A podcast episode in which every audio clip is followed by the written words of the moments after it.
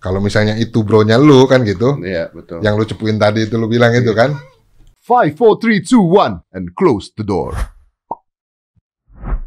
Oke, di depan saya ada Pak Ronaldo adalah Aduh, serem sekali.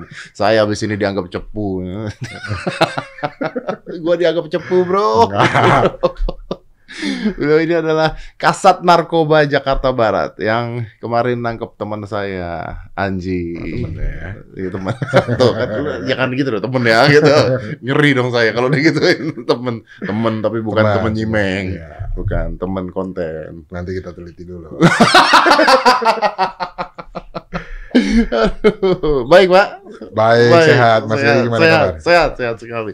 Bro, yang pertama kali gue mau tahu gini, kan Jakarta Barat nih. Ya. Dia ditangkapnya di Cibubur. Ya. Kenapa Jakarta Barat yang nangkep? Kan di Cibubur deh. Iya.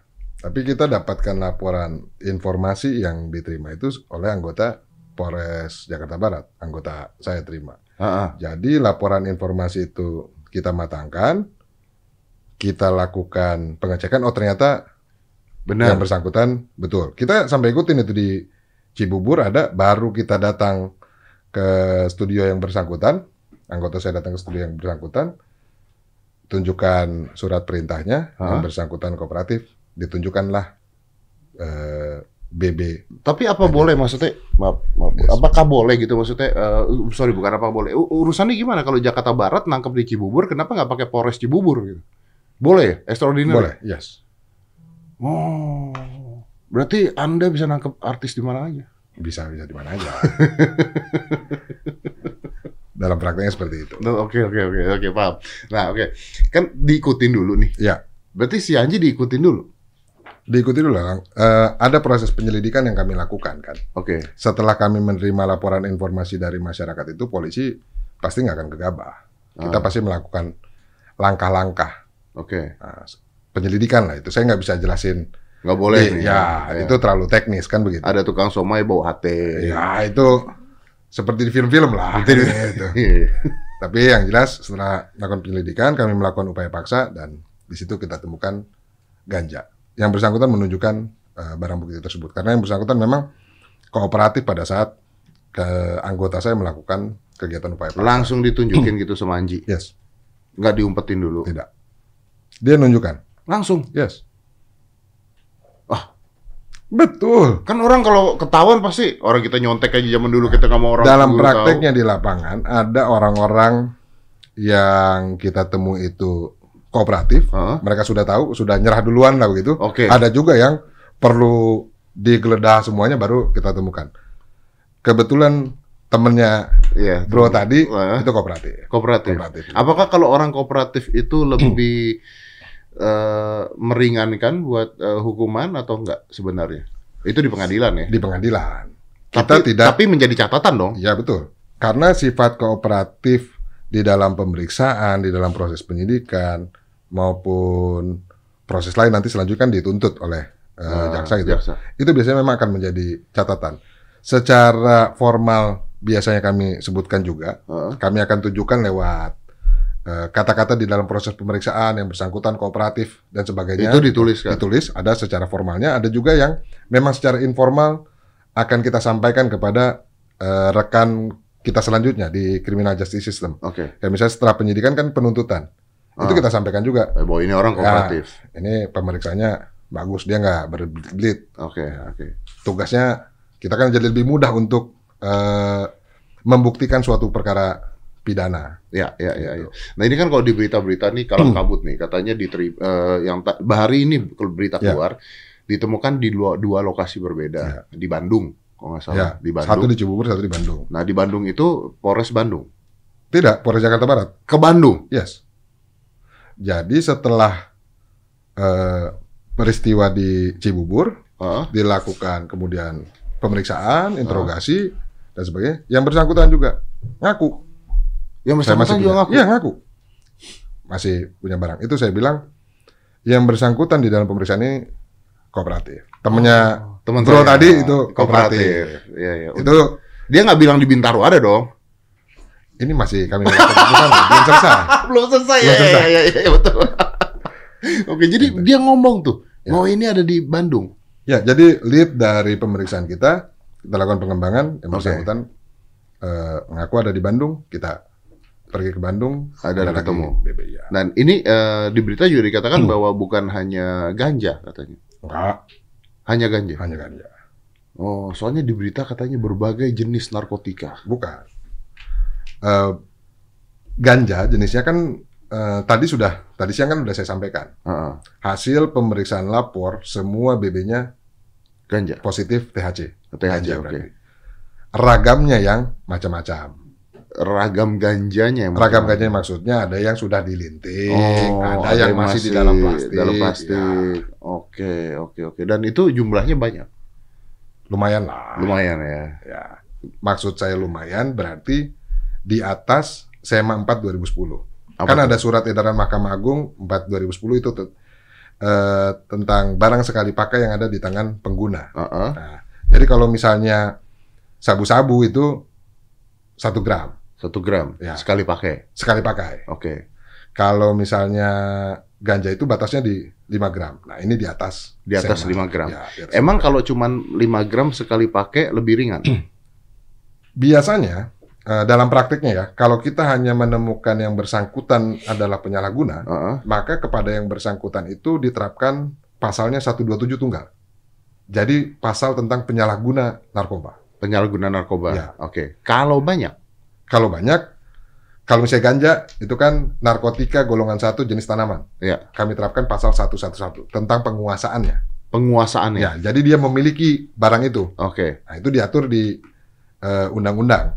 Secara hukuman, Secara hukuman kalau misalnya pasal 127 127 ini yang penggunaan sendiri, Pengguna. mandiri punya Ya. sendiri ya. Oke. maksimal 4 tahun. Maksimal 4 tahun. Maksimal Oke. 4 tahun. Jadi dia tidak bisa tahan. Dia nggak bisa ditahan. Kan tindak pidana yang Oh, karena di bawah di bawah Di bawah 6 lima tahun, di bawah Di 5 bawah lima tahun. Di bawah 5 tahun jadi dia tidak di bawah 6 apa di bawah 5 ya? di bawah 5 tahun. Di bawah 5 tahun dia Kecuali pasal-pasal pengecualian. ya, Nah, ya. itu bunyinya di KWP. Dia nggak bisa ditahan. Dia nggak bisa ditahan. Kalau hanya 127 Nah, tunggal. kalau gitu gua ganja aja satu linting nggak bisa lu tahan dong. Betul, tapi kan bisa ada ancaman hukumannya 4 tahun. Ancaman maksimal dari tindak pidana di pasal 127 Dia itu tidak bisa ditahan sebelum keputusan pengadilan intinya. Yes. Oh, ya ya ya ya ya kayak kebayang kebayang ya ya ya. ya. Kalau dia dia menguasai minimalnya 5 tahun. minimalnya lima Lima tahun. Oh, that's a lot of difference. Itu yang ada di undang-undang kita. Oke, kok bro tega sih bro? Itu kan. Ini bukan Ini Itu- mulai main hati nih. Oh, iya, boleh dong kita kan. kan di, mungkin dia stres. Dia tunggu maaf sebelum gua lanjut ke sana. Apakah dia tidak terbukti dia jual kan? Sampai dengan hari ini pemeriksaannya tidak. Oke, berarti bukan bandar ya? Sampai pemeriksaan hari ini bukan. Oke. Kita kan masih melakukan Gitu. pemeriksaan Kalau ya. kalau bandar hukumannya apa? bandar ya menjual itu sama minimal tuh lima tahun eh, kemudian maksimal 20 tahun. Eh, Masuk yang ke tadi itu ya minimal Yes. lima tahun karena Yes. kepemilikan. Iya. Oh. Kan begini, di satu pasal yang sama itu kan menanam, menanam. menguasai, Menguasai. memiliki, menjual, membeli. Nah, itu terkumpul tuh di pasal yang sama Oke. di dalam undang-undang. Menanam juga nggak boleh. Menanam nggak boleh. Kalau gua Menanam itu masuk di produksi itu. buat hias taman, tanaman hias gitu. Masih banyak tanaman yang lain, Bro. Oh iya betul. Ini biar biar jelasin nih Mas Iya, Dedi ya. oke. Saya bacain pasal yang eh, kita terapkan untuk seperti misalnya kasus yang ini. Hmm. Ini kasusnya adalah eh, kepemilikan ya. Ya, ini yang kita terapkan pasal karena sampai saat ini eh, peraturan pelaksana yang mengatur tentang tadi gramasi itu baru ada di Perma, eh, SEMA Surat Edaran Mahkamah Mahkamah Agung nomor 4 tahun 2010. Yang tadi saya 2010. bilang batas-batasnya itu. Oke. Jadi di pasal 111 ini bunyinya setiap orang yang tanpa hak atau melawan hukum menanam, memelihara, memiliki, menyimpan, menguasai atau menyediakan narkotika golongan satu dalam bentuk tanaman dipidana dengan pidana penjara paling singkat 4 tahun dan paling lama 12 tahun. Dan pidana denda paling sedikit 800 juta rupiah dan paling banyak 8 miliar rupiah. Ini minimal 4 tahun, maksimal eh, Minimal minimal 4, 4 tahun, tahun, maksimal 12, 12 tahun. tahun. Oke. Nah, Kalau yang tadi 127 tunggal Ah. maksimalnya 4 tahun. Maksimalnya empat tahun. Yes. Nah kalau yang ada katanya kalau bandar narkoba hukum mati apa itu? Ya karena bisa ditambah eh, sepertiga kalau misalnya dia menanam misalnya gini, menanam, memelihara, memiliki, menyimpan, menyediakan beratnya melebihi satu kilogram atau melebihi lima batang pohon. Pelaku dipidana dengan penjara seumur hidup atau pidana paling singkat lima tahun dan paling lama 20 tahun. Pidana dan pidana denda maksimum sebagaimana dimaksud pada ayat 1 ditambah sepertiga. Ini yang Berapa batang pohon? pohon? di atas lima batang. Oh itu udah Ancamannya ya, tapi ancaman bro. Ancaman. Ini bukan vonisnya. Bukan Vonis itu kan di pengadilan. tergantung pengadilan. ya, urusan pengadilan. Urusan pengadilan. Saya juga baca katanya eh, Pak Kapolri setelah urusan preman sekarang urusan bandar Yes, narkoba, narkoba. katanya harus diselesaikan dengan cepat. Betul. Seperti itu. Betul. Oke, balik lagi ke unsur hati. ya kan biar Biar baper. biar baper ya kan.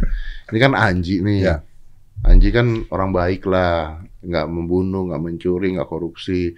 Kok tega sih bro ditangkap bro? Bukan soal tega atau tidak tega. Ini Oke. bro, biar nggak baperan. Biar nggak baperan. ngejalan- Ngejalanin tugas nggak boleh baper soalnya. Oke oke oke.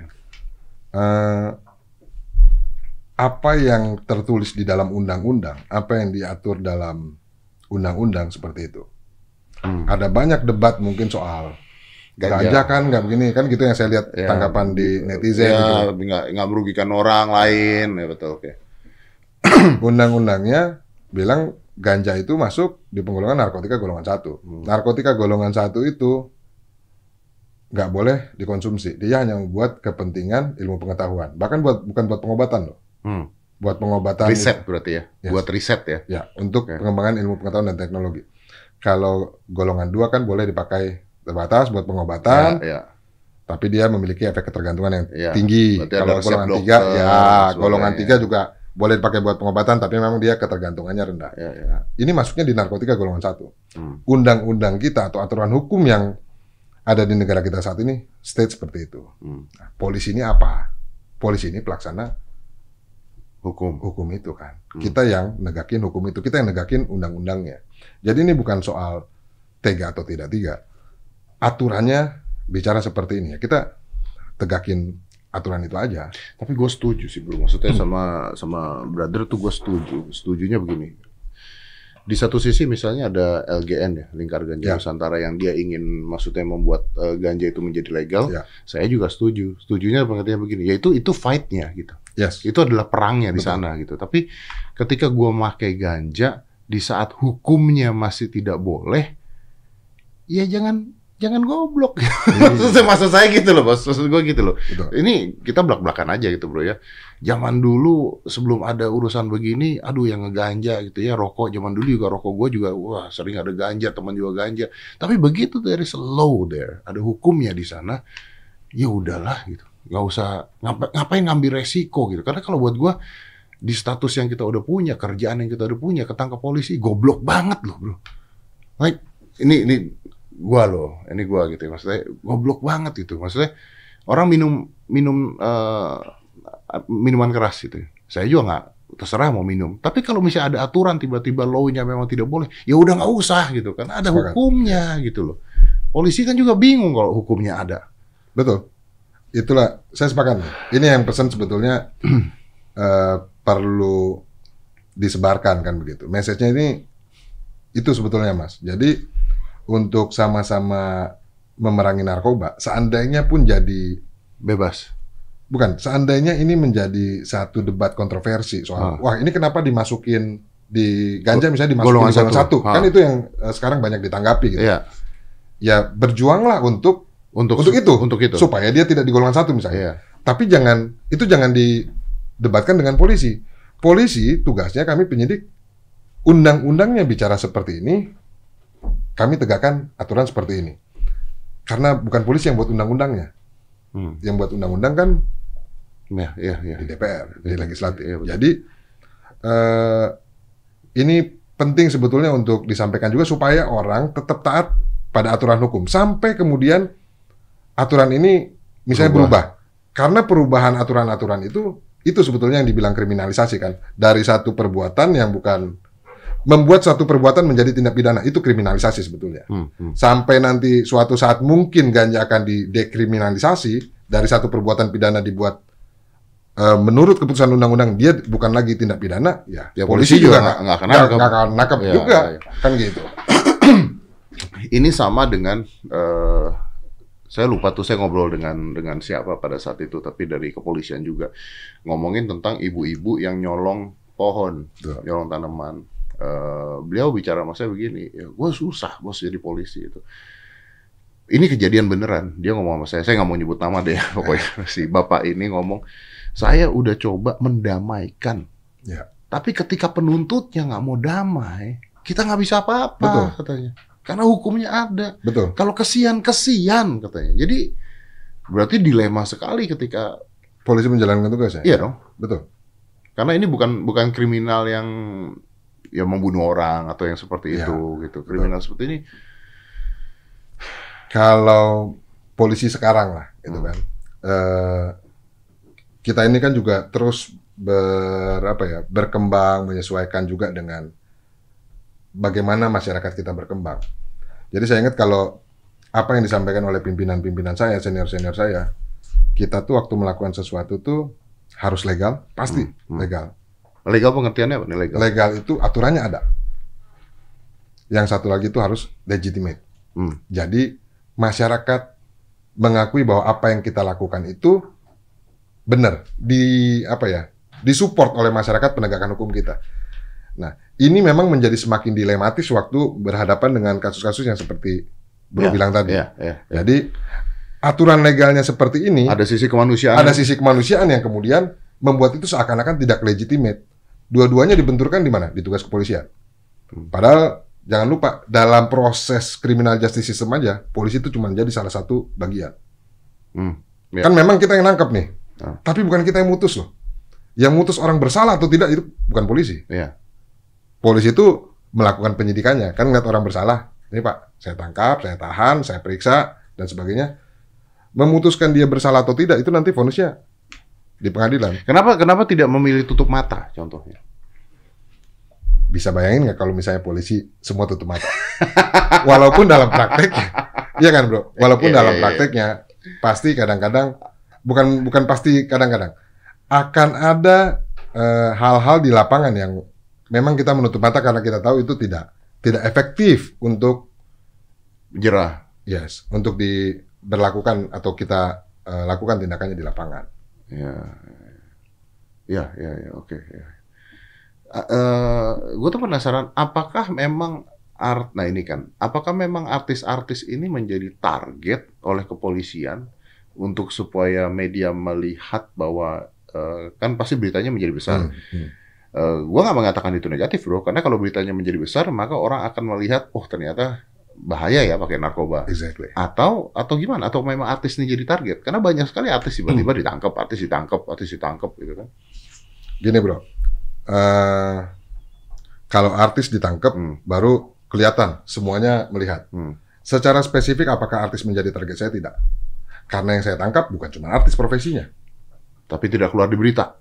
tapi tidak keluar di berita. Karena waktu orang biasa misalnya kalau dia nggak punya profil tertentu, pasti nggak. Hmm.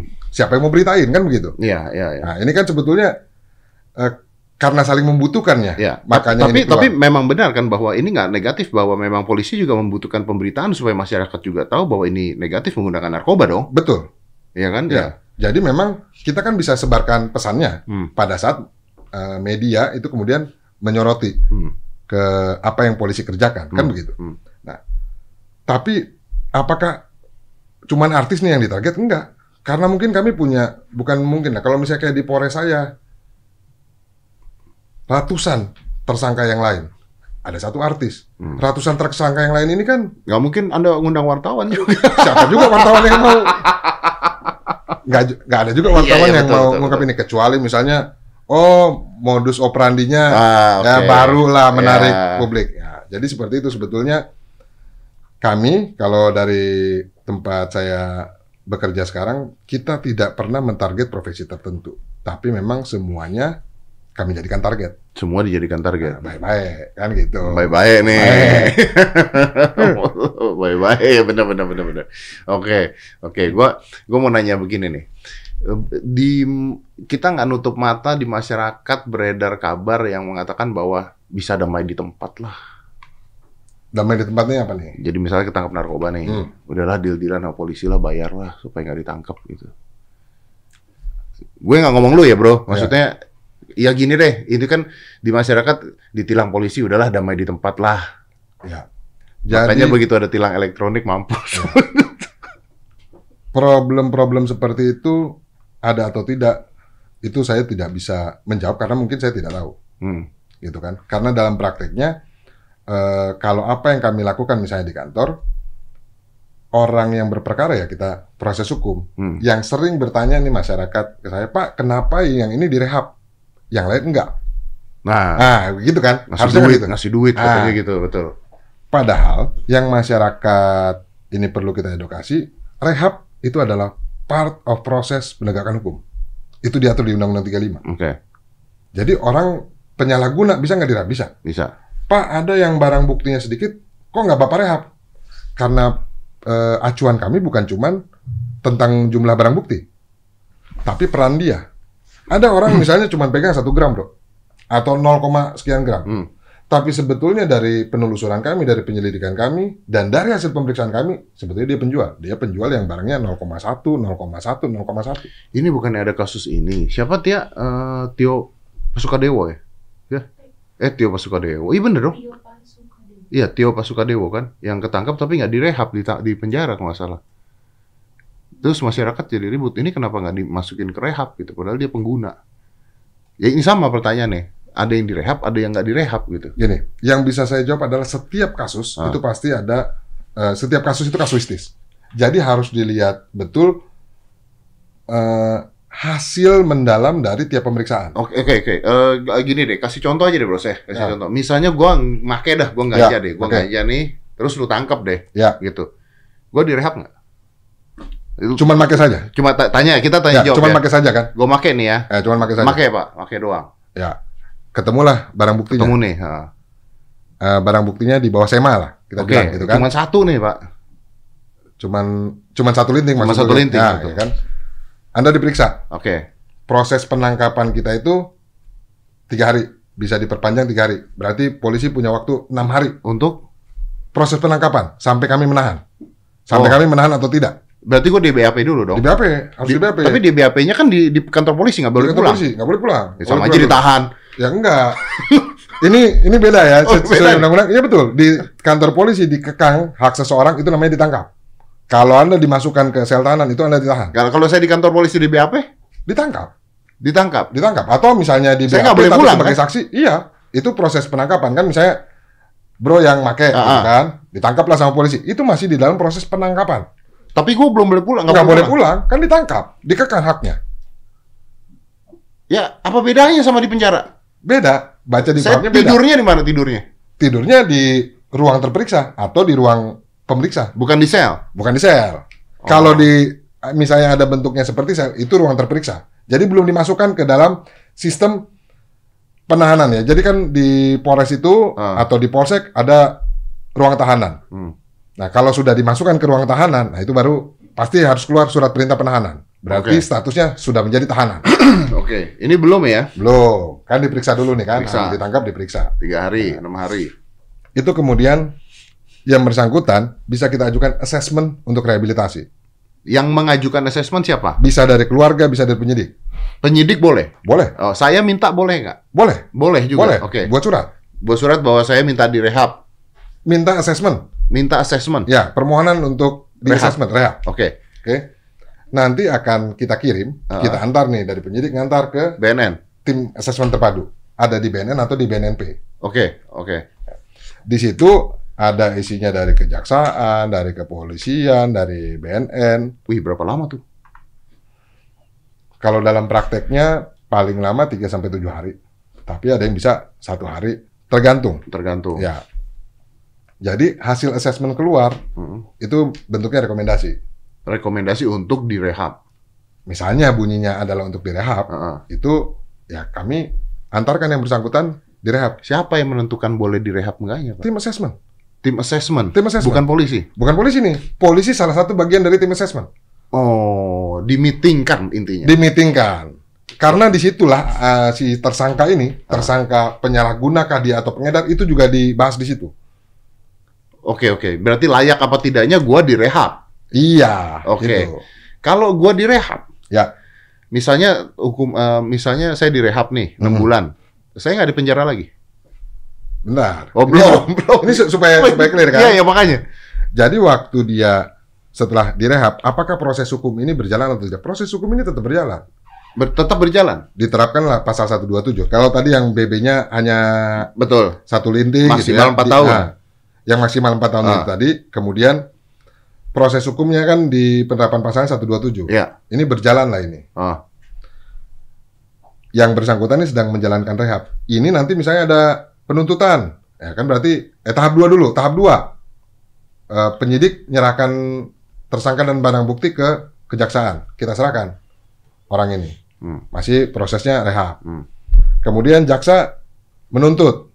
Dibawalah ke pengadilan. Ah, Nah, pengadilan vonis misalnya satu tahun. satu tahun. Ah. Nah, satu tahun hakim boleh memutuskan dia dipidana penjara, tapi dia juga sesuai undang-undang dia dapat memutuskan pidananya itu untuk menjalani pengobatan atau rehabilitasi. Oh, itu urusan hakim lagi memutuskan ya? Yes, Oh, berarti bisa aja gua 6 bulan rehab satu tahun penjara. bisa juga. Sial amat dong kalau gitu. gitu. Bisa Jadi, aja hanya rehab doang. bisa aja hanya, hanya rehab. Berarti itu Dan tergan- waktunya rehab. Jadi waktunya rehab itu bisa diperhitungkan Yang sebagai menentukan siapa? hakim.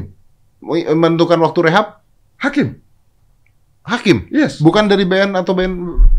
Assessment waktu rehabilitasi dia akan keluarkan rekomendasi agar yang bersangkutan Heeh, direhab. dilakukan rehabilitasi selama misalnya tiga bulan Oke. di fasilitas ini. Nah, Oke. Penyidik akan menindaklanjuti rekomendasi itu. Kita kirimlah dia ke rehab. Oh, hakim memutuskan berapa lama? Nah, ini kan dia terus nih proses berjalan dari penyidikan ke penuntutan Ah. ke persidangan. Hakim mutus ketok palu. Nah, berapa dia kenakan Iya, hukumannya? iya, iya, iya. Tapi ya itu oke oke. Oh, saya ngerti sekarang saya ngerti. Nah, kalau itu nih bener nih. Kalau Anda sampai masuk rehab tuh beneran itu juga mahal keluar duit itu.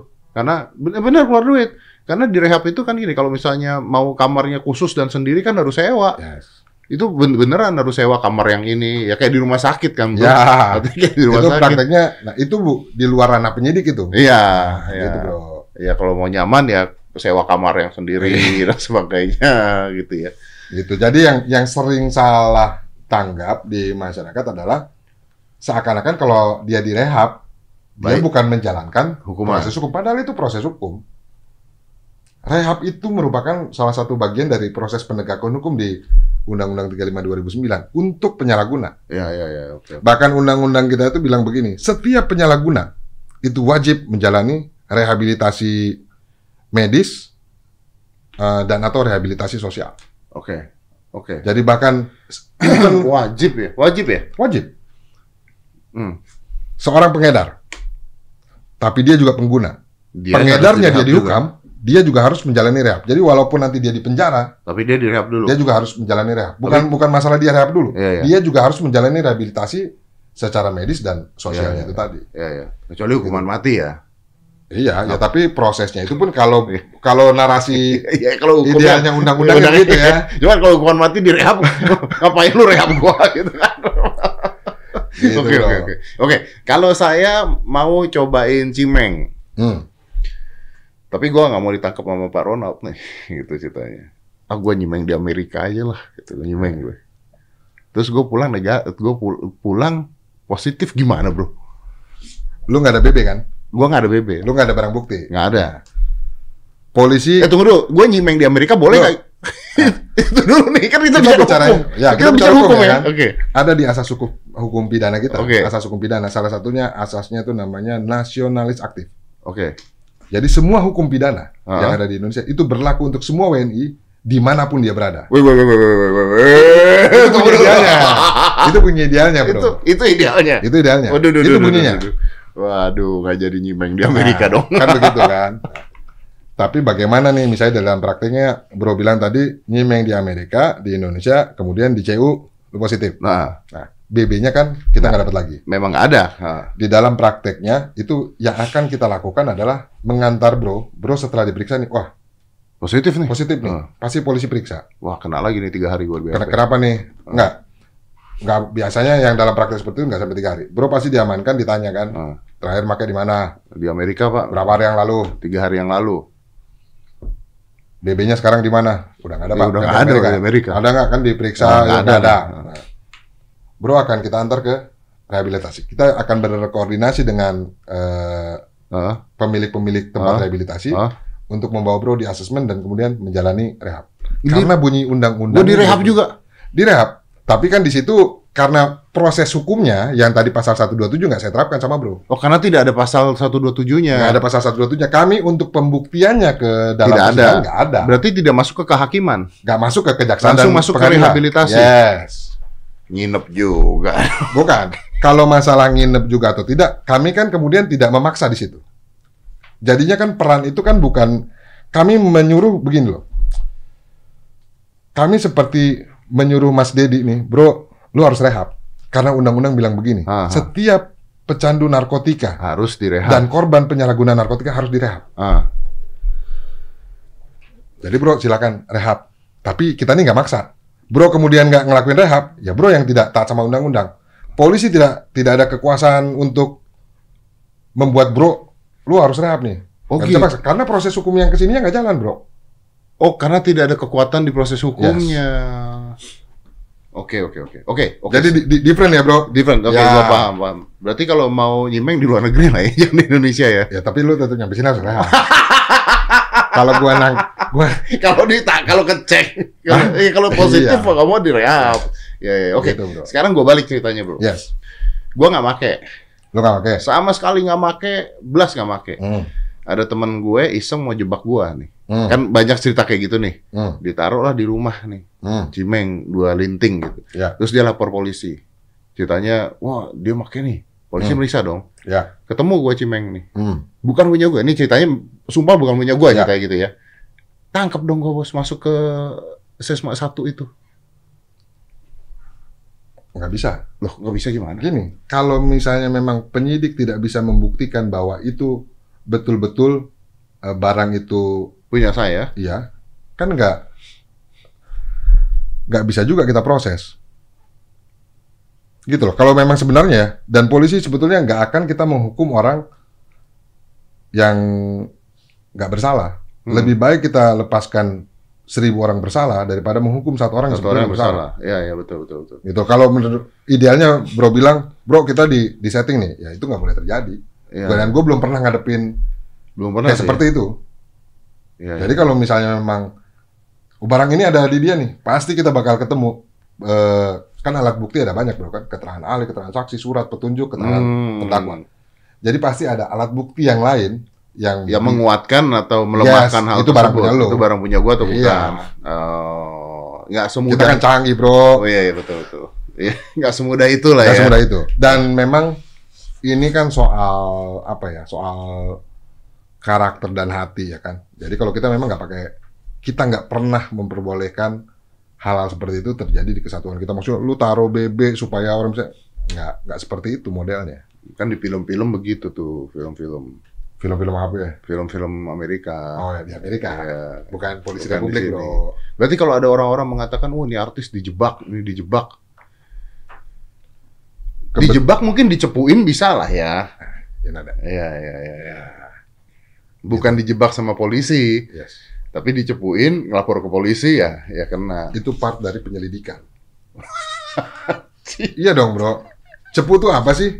Informan kan? Nah, itu diatur di undang-undang loh. Ada. Masyarakat loh ya kan peran serta masyarakat. Oh iya, betul masyarakat betul betul betul. Jadi betul. masyarakat yang mengetahui kan Tapi diam saja juga salah. gitu ya. salah.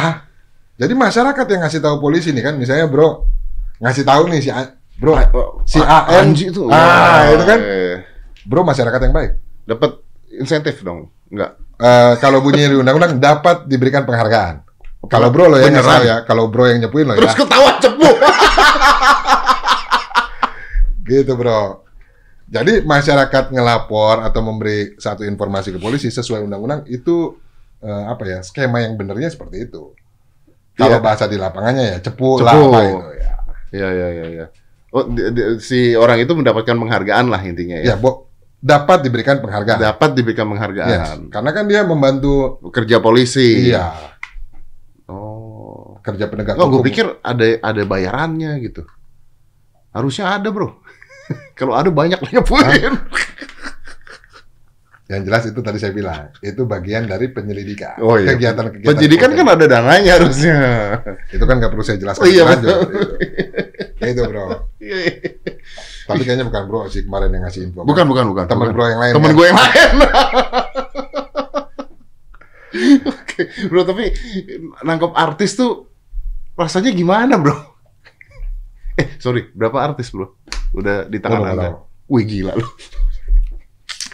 Kalau rasanya gimana sama sama aja bro, sama nangkep. Yang bedanya adalah memang seperti yang bro bilang tadi. Waktu kita nangkep public figure misalnya, maka yang muncul di Media. di pemikiran gua adalah how to communicate dengan teman-teman media untuk nyebarin pesan ini Hmm. bahwa eh, bukan karena kamu public figure kemudian kamu bisa berbuat sesukanya misalnya Iya, begitu kan iya, iya. dan kan kita yang lebih concern begini loh waktu mereka menyalahgunakan sebetulnya banyak orang ini yang berharap atau public figure kan dicintai banyak orang gitu Jadi Nah, contoh masyarakat. jadi contoh Oke. Nah, kalau Gitu. kalau TO TO tuh benar ada TO TO gitu benar. TOT itu maksudnya gimana nih target Maksudnya? operasi Ya target operasi misalnya gue make, Hmm. nih polisi udah tahu nih, tinggal nunggu aja nih, dibiarinin dulu sampai kata ada barang kan kalau katanya begitu tuh. Jadi TO, gitu. oh jadi udah TO lu. gitu.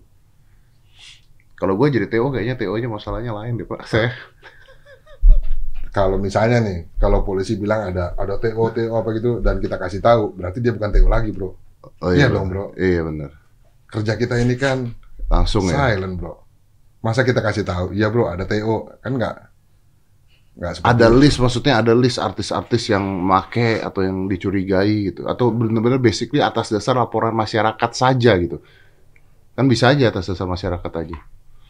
kalau yang saya lakukan selama ini Hmm. bersama dengan tim saya Hmm. laporan dari masyarakat Laporan masyarakat. Yes. Oke. laporan dari masyarakat yang kami memang matangkan dengan eh, penyelidikan Bro, bro, gue tuh penasaran bro. yes Bisa tahu nggak sih? Kan lu nangkep nangkep orang berhubungan dengan narkoba udah banyak nih. Hmm. Bisa tahu nggak kalau ketemu sama orang ngobrol panjang lebar atau lihat gitu, bisa tahu "Eh, kayaknya make nih orang gitu. secara umum secara umum ya Iya ya. tapi Belum tentu ya. belum tentu akurat Iya oke. secara umum ya anggota-anggota saya pun Terlatih. lebih ahli lagi terlatih, Terlatih. untuk hal seperti itu. Kenapa mereka tahunan menangkap penyalahguna, menangkap pengedar dan sebagainya. Jadi ya pasti akan ada kan gini, narkotika itu kan zat psikoaktif kan gitu. Ah, Jadi memang pasti akan akan membuat saraf-saraf di tubuh kita ini somehow pasti terpengaruh. Pasti akan ada yang berbeda dari yang normal, Iya, iya. kan begitu. Iya, iya. Jadi karena adanya perubahan-perubahan itu orang yang biasa meneliti atau dia melihat nih sehari-hari Allah bisa karena biasa kan gitu. Iya, iya. ah, orang yang pakai inek begini nih. Orang yang pakai sabu mencong-mencong nih. Melet-melet nih. Ya, pasti akan tanda-tanda badan itu nggak bisa di nggak bisa disembunyikan sebetulnya, nggak bisa disembunyikan Hiperaktif. secara- ya, hiperaktif. Yang kalau yang downer itu kan Mm-mm. ble-ble lah begitu. Gitu, Bro. Eh, tim tuh nyobain nggak sih pak? Apa? Harus nyoba nggak sih tim polisi itu? Tidak, Nggak. tidak. Kalau anda nggak nyoba kan anda nggak tahu. Pak. Kata siapa? Loh, kan anda belum pernah nyoba. kan gini, apakah semua dosa harus kita coba baru kita tahu? Oh, oh iya, iya, iya betul. Apakah orang, iya kan, betul kan bro? Iya. Apakah racun harus lu coba baru lu tahu itu mematikan? Enggak bro. Ya, siapa tahu pengen nyobain. Enggak. Enggak ya. Saya justru menekankan seperti itu. Kita justru nggak boleh coba, karena kita kan kita belajar. Oh kecuali ini kali ya, kecuali kalau masuk ke dalam sebuah lingkungan pemeriksaan mafia bandar narkoba, terus dia jadi intelnya, mungkin dia harus ikutan kali ya. Kan ada tuh kasus-kasus yang katanya polisi harus menyamar. Menyamar, Nah, menyamar. Tapi bukan, bro kan tadi bahasnya harus nyoba nggak kan? iya gitu iya kan? iya iya. Menyamar loh ya. Iya iya.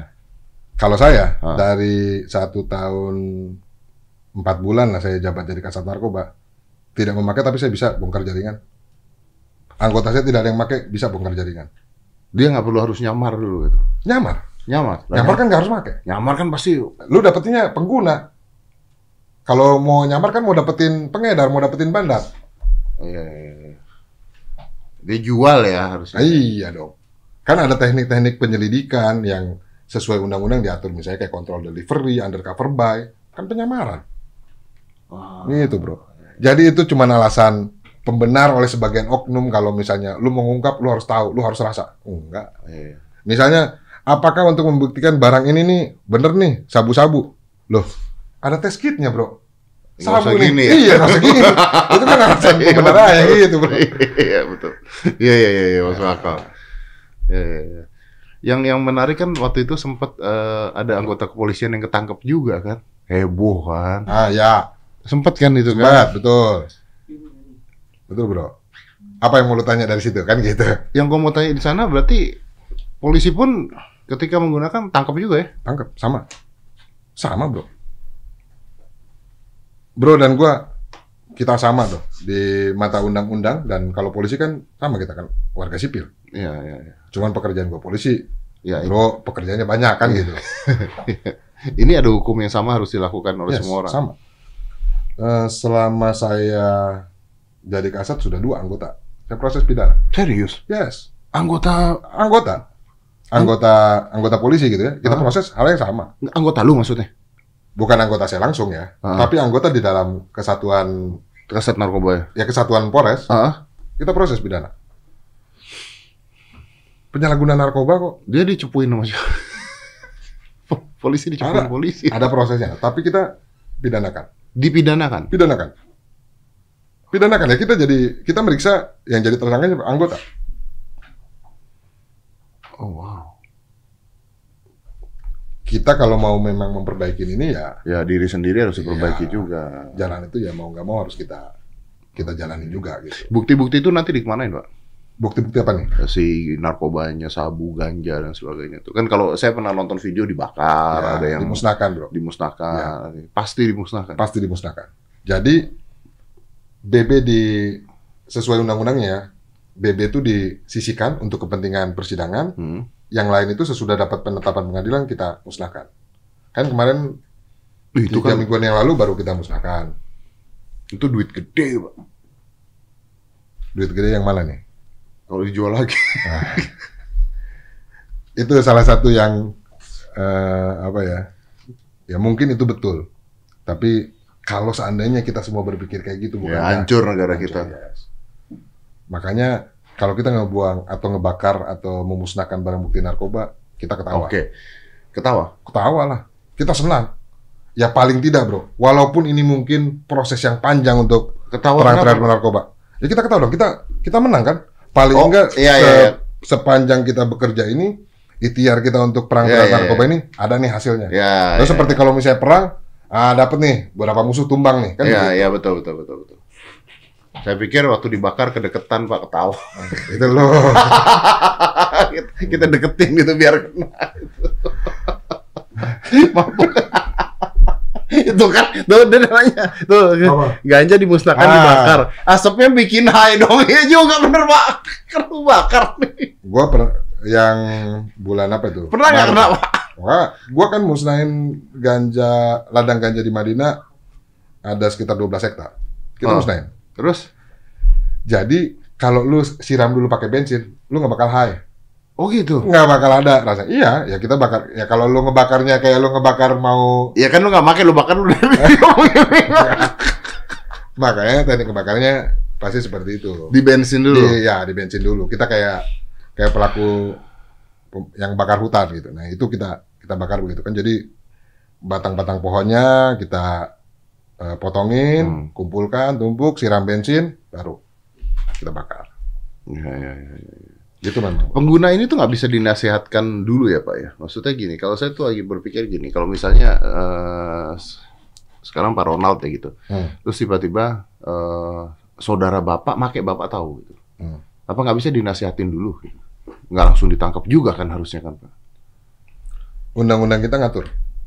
Jadi kalau misalnya bro, sore nih, Eh. temen bro, bro tahu gitu kan. ah Atau anak bro lah. ah Kalau dia belum cukup umur kan, orang tua atau walinya, dia laporin. Kan boleh dibawa ke institusi penerima wajib lapor. Oh, lu bisa bawa ke rehab ya? Yes. Jadi kalau misalnya dia di situ dia tertangani enggak.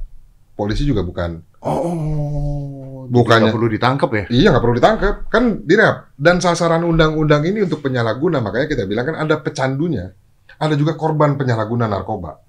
Nah kita kan mau gini loh, tujuan dari undang-undang ini kan mau buat generasi kita makin maju lah, Ah, terbebas lah dari narkoba Ah. gitu. Jadi kalau misalnya memang mereka bisa diobatin, ngapain polisi yang nangkepin? ya tapi nggak mungkin kan maksudnya kalau kayak nangkep orang tuh sudah rehab dulu kan nggak mungkin gitu ya karena ada iya, undang-undang karena ya. kita sudah sudah bergerak kan. Sudah bergerak. Iya, jadi sebetulnya it- kalau yang ideal seperti yang bro bilang tadi, kita juga pasti lebih senang. Iya, iya, iya. Maksudnya banyak orang yang kemudian terdorong hatinya, mereka ngelihat lingkungannya atau Ya dalam pengertian kan bisa aja tiba-tiba gue curhat nih Hmm. sama, sama brother nih. Yes. Gue bilang, bro gue tiba-tiba kemarin gue make terus gue nggak bisa berhenti nih bro gimana bro? Bisa dong. Maksudnya lu nggak langsung nangkep gue dong. bisa Lu- udah, sesuai undang-undang gue misalnya tahu nih, Ah, ah, tapi ah. tidak melaporkan kan malah jadi salah. Ah. Tapi gue juga bisa bawa lu ke institusi penerima wajib lapor, bro. Sesuai undang-undang, lu lapor nih Ah, ke institusi penerima wajib lapor di Ah. tempat-tempat rehab itu kan. Lu lapor di situ kan lu akan bakal ditangani. Mas Dedi ketergantungan ya kan lu seperti di SS Iya, lagi. iya, iya. Lu ikutin ya pengobatannya medisnya begini supaya lu lepas dari ketergantungan. Jadi nggak usah langsung nanti endingnya ke kehakiman pidana dan No. sebagainya bisa seperti itu. Betul, bisa. Oh, so basically it's easy then. Iya, kalau semua rakyat kita mau masyarakat kita mau ngedukung itu bagus banget. Ah, oke, oke, oke. Daripada polisi jalan ya. I- iya dong. Itu bakal ngebantu tugas kami juga kan. Karena tugas tugas ini apa sih sebetulnya kan bukan kita buat nangkepin pengguna saja kan.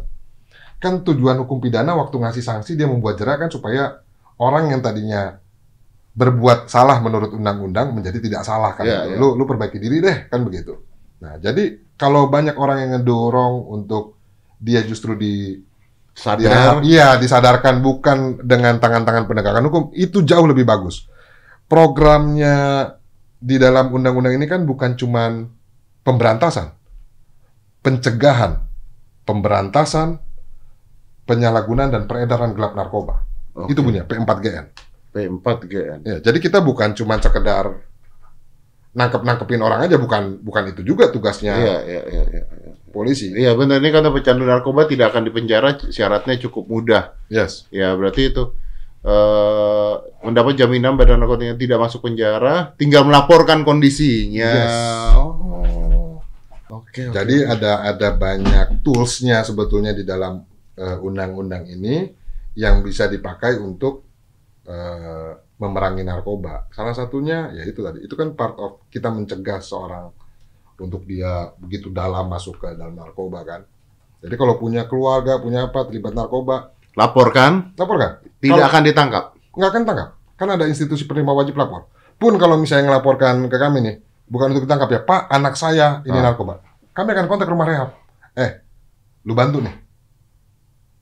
Ada orang butuh dibantu karena dia jadi korban penyalahguna narkoba. Ya dibawa. Mungkin polisi pun bawa dia untuk langsung direhab bisa. Oh, iya, iya. Asal tapi kan institusi yang itu memang bukan langsung di polisi tapi institusi penerima wajib lapor. Jadi kalau dia ngelaporin duluan, Pak, saya Saya pengguna nih Pak. Ya, saya, pengguna, saya, mau, bebas insaf. nih. Ah. Iya. Dia bukan dihukum dengan penjara itu bukan. Hmm.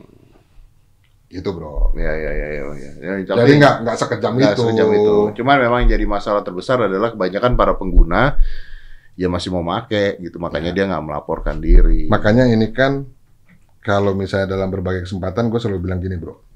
Perang terhadap narkoba itu perang kita semua. Hmm. Walaupun mungkin salah satu aktornya polisi dan kelihatan kita yang di depan. Hmm. Tapi ini perang kita semua.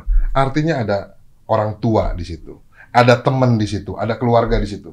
Yang sebetulnya bisa nasihatin mereka, eh bro, berhenti dong lu. Kalau misalnya itu bronya lu kan gitu, Iya, betul. yang lu cepuin tadi itu lu bilang itu kan. Sebetulnya kan lu lu bisa mengambil langkah langkah lain seandainya lu tahu, seandainya ya kan bro. Bro lu rehab deh lu supaya itu bro. Ini kata-kata pasti dipotong sama orang. Hah? Dia lagi ngomong, ya bronya itu yang lu cepuin itu. gue nih udah kena nih. Gue udah cepu. Waduh. Iya, iya, iya, kata kata. gitu bro. Ya sama orangnya juga bekerja sama lah ya. Ya. Sama orangnya juga bekerja sama. Ya. Dan kita sih eh, pendekatan-pendekatan seperti itu pun kan banyak sebetulnya kita lakukan. Kayak kami di Jakarta Barat ini kan sekarang lagi berjuang bagaimana caranya merubah mungkin orang dulu kenal komplek Ambon, kampung Ambon, komplek Permata sebetulnya yang tadinya kampung narkoba lah kita bilang Hmm. begitu mau kita rubah nih pelan-pelan supaya dia bukan lagi jadi eh, kampung narkoba. Berarti ini nggak mudah ya? Nggak mudah. Ini perangnya harus kita semua. Karena kalau cuman toolsnya satu yang dipakai, ya betul. Banyak yang nyorotin sekarang penjara penuh apa segala. Soalnya banyak toolsnya yang banyak dipakai kan yang penegakan hukum kan bro. Ken- Kenapa nggak yang ditargetkan adalah bandar-bandar mafia besarnya dulu gitu? bro? Atau susah sekali? Susah. Kalau menurut saya yang menjalankan tugasnya langsung susah. Ya. Eh, ini ini ini debatable lah. Tapi Ya. begini, yang saya pelajari dari dulu masih taruna lah masih di Akpol kan, pendekatan untuk menghadapi narkoba ini kan ada eh, demand reduction, ada supply reduction, Hmm, ada harm reduction. Nah, jadi apakah peng- udah penggunanya nih nggak usah diinin kalian cari bandar aja. Nah, dengan sendirinya waktu kita nggak ngubek-ngubekin pengguna ini bro, demandnya kan akan tetap tinggi. Ini tetap jadi pasar nih. Ya kalau pasarnya nggak ada, penjualnya pasti berturun. Ya. Dan sebenarnya ya menurut gue efektif karena is easier, less risk juga. Yes. Ya kan kita tahu lah kalau mafia-mafia bandar itu kekuatannya gimana, backingnya gimana, semuanya Modus resikonya. operandi mereka Wah, yang terus udah maju, extraordinary. kejar-kejaran sama Yes, polisi udah organized. luar Betul. biasa bahayanya juga luar biasa kalau ini nggak ada pembeli maka penjualnya pun akan berkurang basicnya seperti itu Basicnya pemikirannya seperti itu. Ya. Jadi mak- maksudku ini harus dikerjain, yang Ini ini, juga, juga. harus dikerjain, Ya, ya, yang ya. harm reduction juga harus dikerjain. Ketiga hal ini harus dikerjain. Makanya ini bukan perangnya polisi terhadap narkoba. Ini harus jadi perangnya seluruh masyarakat terhadap narkoba. Waktu lebih banyak yang memerangi, maka kita akan bisa keluar dari masalah ini. Setuju dong? setuju Harus setuju. setuju setuju daripada gue dicepuin Bentar gue kontak dulu. Jangan dong. Tapi bro thank you banget. Ini ngebuka mata banget. Dari obrolan kita ngebuka mata. Karena eh, gua rasa banyak juga masyarakat kita apalagi yang muda-muda eh, nggak ngerti ini gimana sih konsepnya kenapa di penjara kenapa nggak direhab dan sebagainya. Mereka cuma ngelihatnya bahwa oh polisi nangkep nih ngapain sih? Gitu. Yes, terus yes. kenapa artis-artis doang sih yang ditangkap gitu ya. Ini lu, lu ngejawab semuanya luar biasa. Dan yang paling penting adalah gini. Saya pribadi tadi gue udah bilang dan brother juga setuju. Ini luar biasa loh karena dari kepolisian pun setuju. Kalau misalnya LGN mau mau merubah atau siapa mau merubah ha- ganja menjadi legal silahkan gitu ya. Tidak ada Ya. masalah dengan itu. Polisi pun tidak ada masalah. Kita yang ngelaksanain undang-undang. betul. Tapi itu ributnya di DPR Ya, bukan jangan sama polisi dong. jangan sama polisi. Silahkan ributkan di sana. Kalau anda menang di sana ganja jadi legal kita ganja bareng. Gue sih enggak. Kita Gue nggak suka bro. iya iya Kalau kita tadi minum teh oolong oke lah. Oke lah. Tapi istilahnya maksudnya, maksudnya kalau udah legal ya sudah Ya gitu. sudah. Urusannya jadi berbeda. Betul. Bukan masalah polisi lagi, Yes. bukan masalah hukum dan pidana lagi. Setuju. Oke, brother. Tapi kalau legal, Bapak gimana kerjanya? Oh, narkoba lain masih banyak, Bu. Ada sabu, Masih banyak ada kerjaan lain bro. turunan-turunannya Aduh, banyak. banyak banget bro. Thank you, Bro. Salam Thank you, bro. sama istri. Eh, beliau baru punya anak lagi, baru usia tiga bulan. Yang paling kecil baru usia tiga bulan, masih di rumah. Dua tahun sama sembilan tahun. Pandemi kayaknya nggak ada kerjaan. Thank you bro. Thank you, brother. Let's close this. 5, 4, 3, 2, 1, and close the door.